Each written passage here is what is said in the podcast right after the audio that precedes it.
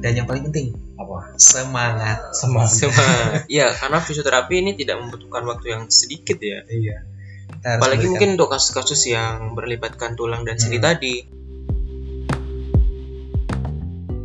Assalamualaikum warahmatullahi wabarakatuh. Halo teman-teman, selamat datang di H2H Visio Podcast. Selamat datang di episode 3 kami. Saya Afif. Maulana, Vicky Hari ini kami akan ngobrol tentang eh, fisioterapi pada kasus-kasus muskuloskeletal atau otot, tulang, dan sendi. Seperti apa sih? Apa yang dikerjain? Kasusnya kayak gimana? Sehingga nanti teman-teman eh, ada gambaran ada gambaran lah terkait oh kalau saya eh, kena gangguan seperti ini saya bisa ke fisioterapi kayak gitu oke langsung aja ya mungkin kita coba bahas satu-satu terkait kasus-kasus otot tulang dan sendi seperti apa yang di otot di tulang dan di sendi ya. Kita ambil contohnya aja kita ya ambil contohnya. Tapi sebelum itu jadi intinya dari fisioterapi muskuloskeletal itu kan kasus-kasus intinya gangguan gerak yang melibatkan otot tulang dan sendi.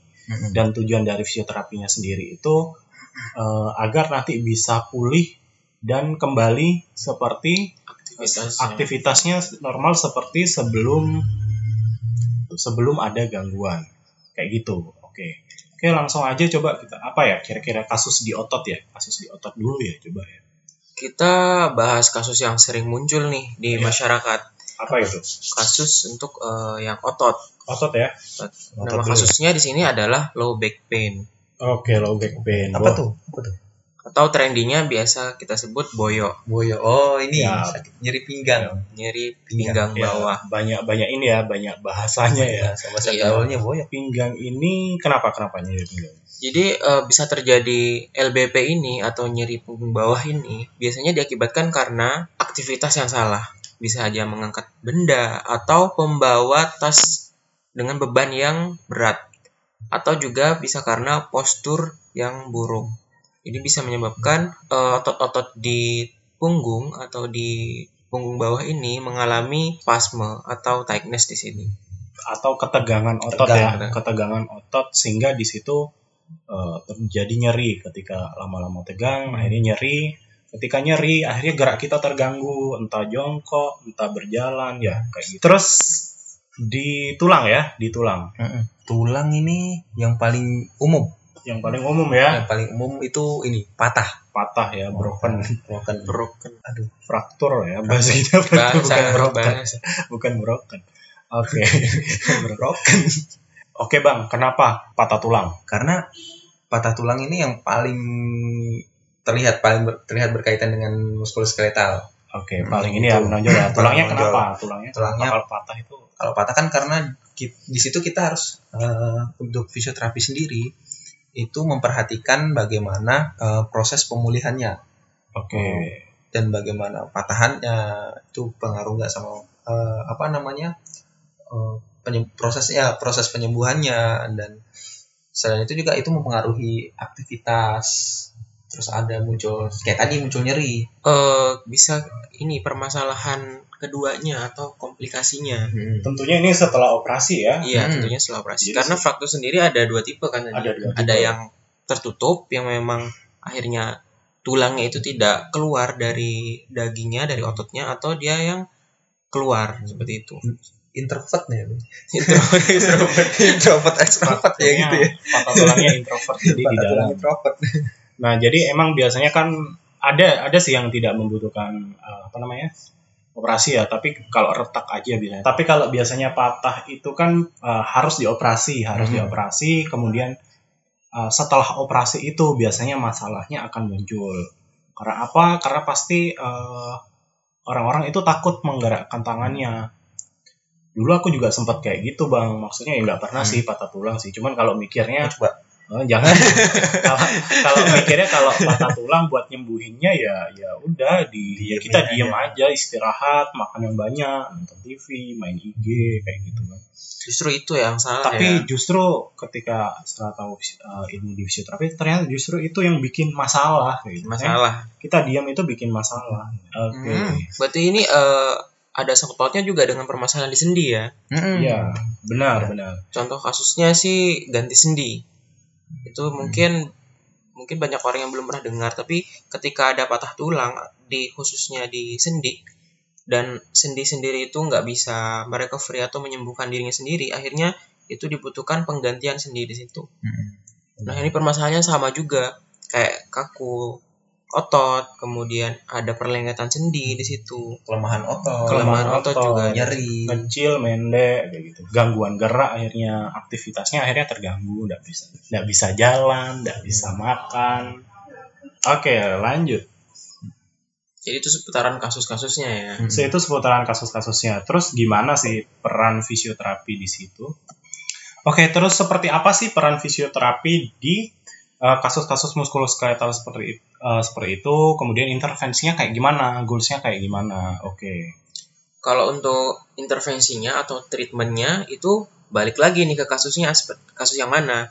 Kalau untuk eh, LBP low back pain tadi yang di kasusnya otot di otot kasusnya misal- hanya di otot. Yang misalnya hanya di otot. Misalnya di otot ya berupa spasme atau kekakuan otot itu bisa kita lakukan release atau massage di situ. Jadi tujuannya adalah untuk menurunkan spasmenya itu tadi atau kakunya itu tadi. Jadi kita ini ya uh, ngelihat problemnya penyebabnya ya.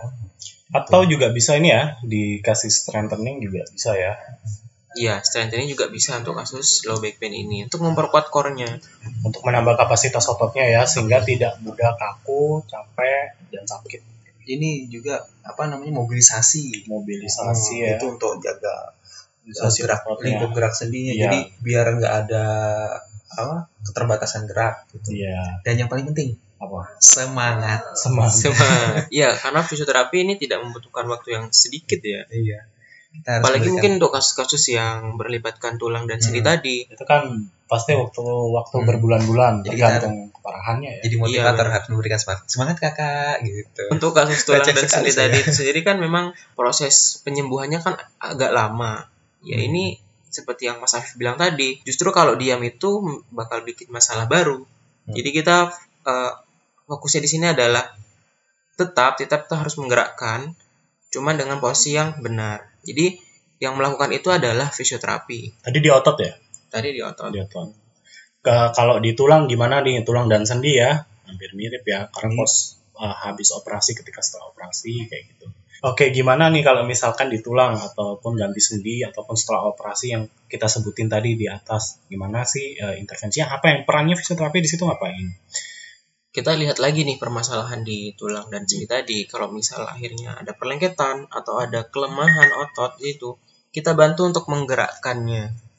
ini ya istilahnya untuk melemaskan biar nggak lengket Iya, biar benar. ototnya nggak mendek biar tetap bisa digerakkan sendinya kayak gitu ya terus untuk tulangnya sendiri kita pasti lihat tahapan ini ya eh, regenerasi tulangnya ya ada Hmm. tahapannya kapan sih pasien boleh napak kapan pasien boleh jalan yang pasti di situ peran fisioterapi adalah mempercepat dari proses itu membantu dan mempercepat membantu dan mempercepat kayak gitu Dan goal utamanya adalah aktivitasnya kembali seperti semula. dan menghindari dari komplikasi yang lain seperti yang tadi. Jadi eh, agar tidak tidak tidak makin memburuk kayak gitu. Dan ada satu hal penting lagi, eh, selain fisioterapi yang melakukan treatment, eh, peran dari pasien adalah melakukan atau mengulangi latihan yang telah diberikan fisioterapi itu di rumah. Mm-mm. Ya, Karena ini benar. penting sekali. Kalau cuma fisioterapi aja ya ketemunya mungkin seminggu satu kali, seminggu dua kali. Sisanya adalah pasien sendiri yang melakukannya. Iya, benar. Jadi memang goals dari fisioterapi ini adalah kemandirian pasien ya akhirnya ya. Kita membuat pasien lebih mandiri, lebih aktif, akhirnya eh, sembuhnya bisa lebih optimal seperti itu. Oke, gitu. Kemudian ini ada pertanyaan yang sangat besar nih Oh yang iya, ditanyakan apa-apa? oleh orang. Berapa lama sih akhirnya kita harus melakukan terapi atau melakukan treatment ini? Terutama pada kasus-kasus muskuloskeletal ya itu kira-kira berapa lama sih? Relatif ini ya relatif beragam ya kalau kasus-kasus muskuloskeletal itu ya sebenarnya ya. Mm-mm. ada yang singkat kalau misalkan ringan hanya otot aja misalkan hanya spasme misalkan hanya tightness atau cuman kaku-kaku nyarinya karena kaku doang kayak gitu tuh ya. Ya ini ya lumayan relatif singkat. Tapi juga ada yang lama Butuh semis waktu butuh waktu lama ya. Misalkan ya patah tulang tadi butuh berbulan-bulan biasa standarnya sih enam bulan ya standarnya Iya, eh, ya bergantung juga kan da- daerah patah yang mana, berapa Nah, luas kayak gitu. Kemudian ini apa namanya? Ada juga nih yang lumayan lama nih, apa tuh eh, apa kasus-kasus postural, misalkan kayak Hmm. skoliosis kayak gitu. Emang sih dilihat derajatnya lagi, cuman dilihat derajat, usia dan sebagainya. Dan biasanya emang untuk mengubah mengubah derajat Derajat. skoliosis itu butuh eh, waktu yang lebih seperti itu. Oke.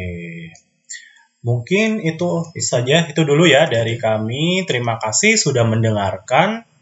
Semoga bermanfaat. Ditunggu masukan, kritik dan sarannya di IG kami Eh, di @h2h fisioterapi. Pakai P ya. Oke, terima kasih. Sampai jumpa.